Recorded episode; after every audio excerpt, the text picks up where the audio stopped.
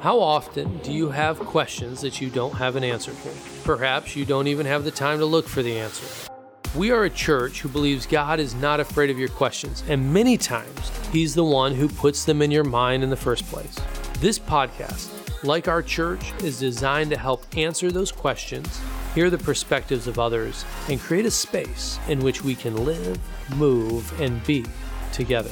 We look forward to sharing our perspectives and trying to answer some bothering questions. Welcome to Społeczność Chrześcijańska Wilanów podcast. As you may know, our heart is to be a church that inspires conversation with God and people. In order to do that, we want to prepare you through this podcast. What this is designed to do is to prepare you for Sunday. It's a pre podcast, it's almost like pre work. Our vision for this is that you listen to it before you come to church. Uh, if you've ever heard of Flip the Classroom, it's that same kind of a style.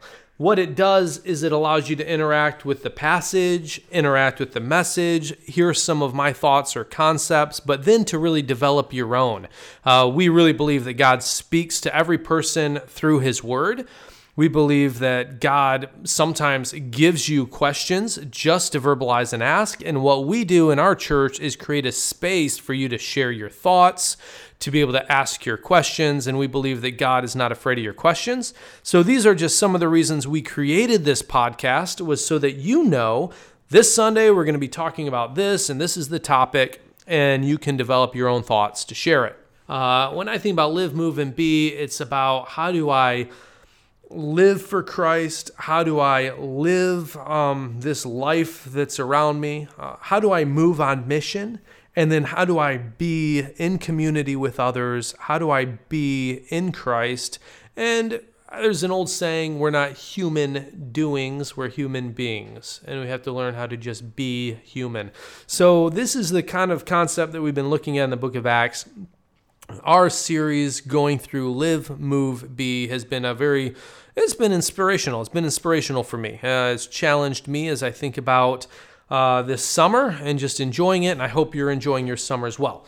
Okay so i want to jump right into the passage today. What we've looked at is how peter and john they have been thrown before the temple courts uh, the sanhedrin and they've been looking through them and they've been saying stop preaching the name of christ stop preaching the name of Christ. Now, part of this is because those religious leaders for years have been jealous of Jesus. Uh, they have been watching him, they have been hearing about what he's been doing, they've been seeing the miracles that he's been doing.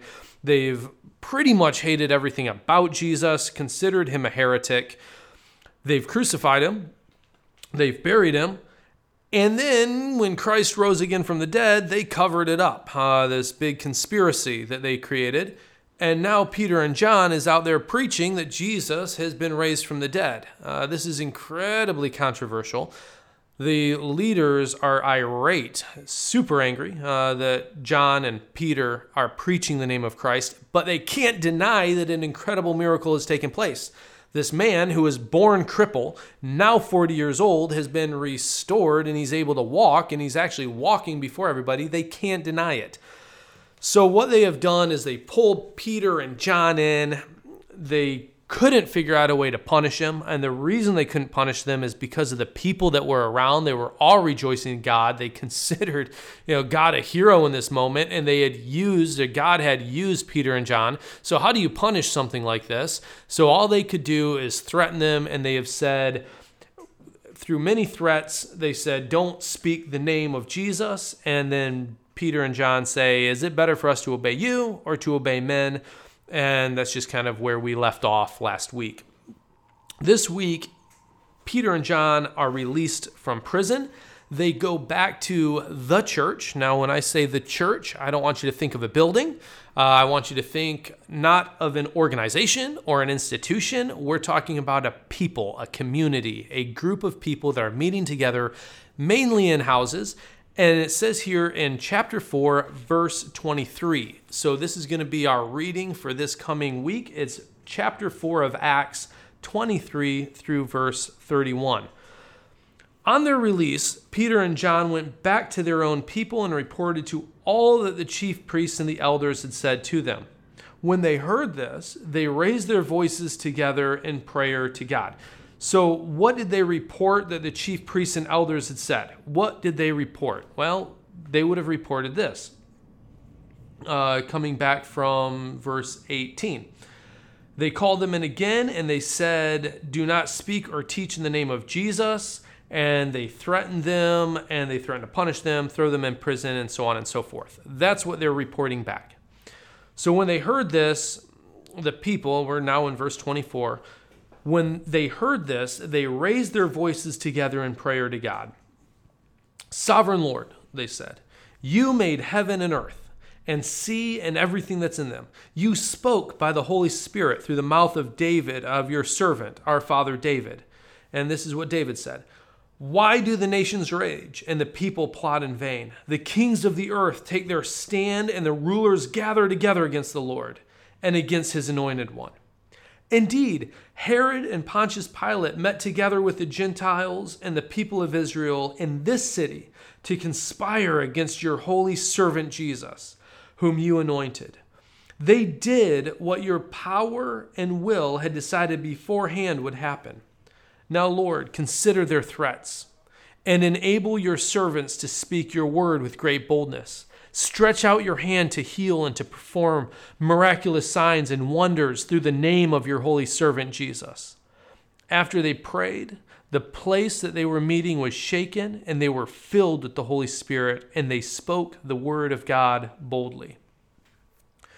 Uh, this is an incredible little passage for me. Uh, back a few years ago, and by a few years ago, I was living in Chicago at the time, so this would have been probably like 10 years ago. I was really convicted about my own prayer life. I was thinking about my prayers. I would literally lay in bed at night I, every night, as long as I can remember, uh, I have been praying. And at one point in Chicago, I began to pray and I realized how self focused my prayer life was. It was all about me. I was just like, God, help me, blah, blah, blah, help me, da, da, da. And I realized, man, my prayer life has become incredibly self focused.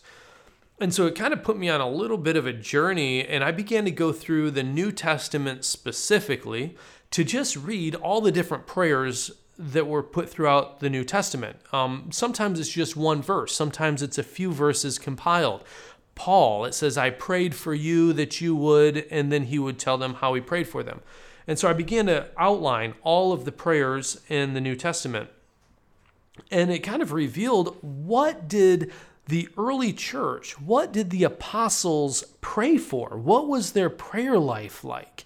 And it was never me focused. I mean, that's an interesting thing. I never read one that is about me. Lord, give me more money. Help me get a promotion at work. Um, it was never like that. And this is one insight, the very first insight that we have into their prayer life. One of the questions that rolls around, I would say, the church world is why have we lost the power, sometimes it seems, of God when you compare it to that of the early church. And I would just simply ask, how is our prayer life in comparison to the early church? Most of the time, our prayer life is very us focused and it's not asking for the right things. I look here, and this to me is an absolutely beautiful passage. Understanding they had just been threatened. Their lives had been threatened, family had been f- threatened, they've been threatened with prison. They just spent the night in jail. And when they come back together, they're not sitting there praying, God, protect us from the religious leaders. God, protect us from big bad Rome. They're not praying for protection. They're not praying that God would keep them safe. Instead, they're praying for boldness in spite of the threats and in spite of the problems. And this to me is pivotal in our lives as Christians. What are you praying for? What am I praying for? Uh, sometimes we're praying for an easier life. These men and women came together not to pray that things would be easier, but to pray that they would have the strength and the boldness to preach Christ even when it was going to get harder. And they knew they were on the verge of things getting a lot more difficult. One of the things that I would just kind of touch on, just very briefly, is sometimes we look at Rome uh, as a government, we look at Rome as highly persecuting the church. That is not entirely accurate. That's not entirely historically accurate. Rome was somewhat flexible to religions. Now, they weren't the nicest people in the world. I think we could all agree to that. But it was a culture that had literally thousands of religions. They're bringing people from all over the known world. And all of them are coming with their religion. Many of them are actually quite open to religion what we find in the book of Acts is that it's not just Rome that's putting the persecution, it's actually the Jewish religious leaders that are putting the persecution on the church. And so here they are praying that God would give them the boldness and the strength in spite of the persecution that was going to come. When I read this and I ask those three questions, what does this tell me about God? The first thing it tells me about God is that He is in complete powerful control. There is nothing outside of his control. Even the death of Jesus was in his control. And they even say this here. Herod and Pontius Pilate met together. This is in their prayer. They met together with the Gentiles to conspire against Jesus. And in verse 28, it says, They did what your power and will decided beforehand should happen. God is in complete control of everything. He's in complete control of the challenges that you face, of the persecution you face. He's in complete control of the accidents that you would contribute as an accident in your life. God is in control. And what these early believers understood is that God is completely sovereign. And that's what he said in verse 24. Their voices come together. They said, Sovereign Lord, you made the heavens and the earth and the sea and everything that's in them. You are the one that is in complete control. So, what do I learn about this, about God? It reminds me that when we pray, we come to the God who is in complete control. And the other thing that it tells me about humanity is our need for boldness in spite of persecution.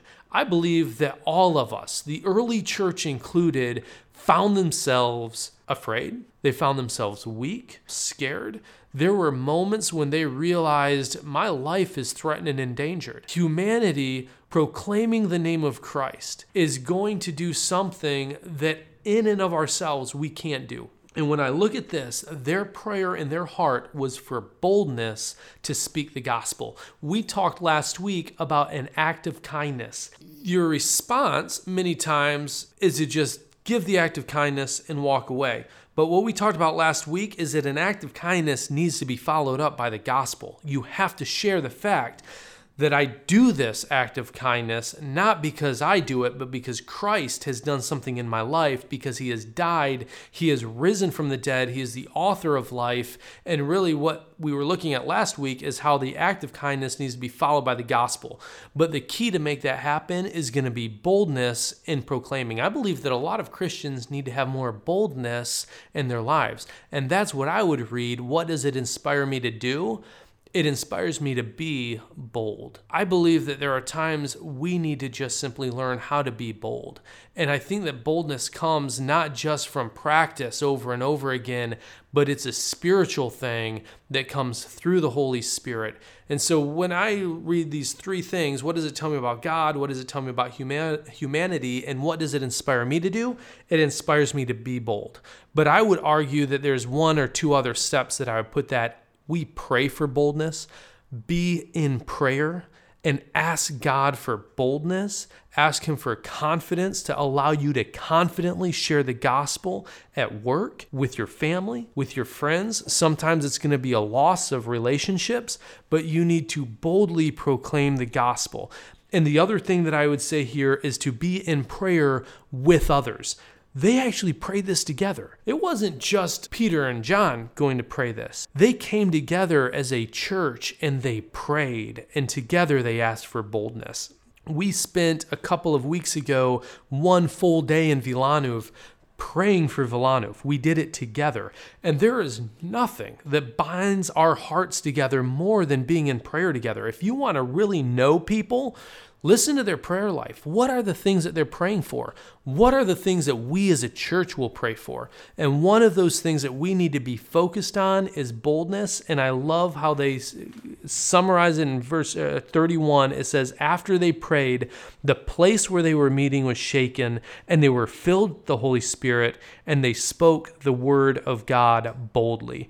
Even the threats, even the persecutions didn't stop them because they had the power of the Holy Spirit working through them and they had the courage to boldly proclaim the name of Christ. If there's one thing that my prayer for Wilanów, Społeczność Wilanów is, it's that we as a church are bold in the gospel, that we're bold in the places that we live, work, and play, and that we're not afraid uh, to share. So these were my simple thoughts you're going to be able to take this passage, read through it over the next few days, over the next week, and be prepared to discuss your thoughts on Sunday. Takes a minute, uh, a few, a little bit of time to ask, what does this tell me about God? What does this tell me about humanity? And what do I need to do to either live, move, or be? So these are my thoughts. Have a wonderful week, and we'll see you on Sunday. God bless. Take care. Thank you for listening and wrestling with this week's question. Hopefully, you're now asking more questions than you did at the beginning. As always, if you loved it, then like it, subscribe, share it with others. Check us online at schvilano.pl. We would love to have you join us on Sunday mornings at 9:30 to go deeper with this question and to share your own perspectives. So live, move and be and never stop sharing your bothering questions.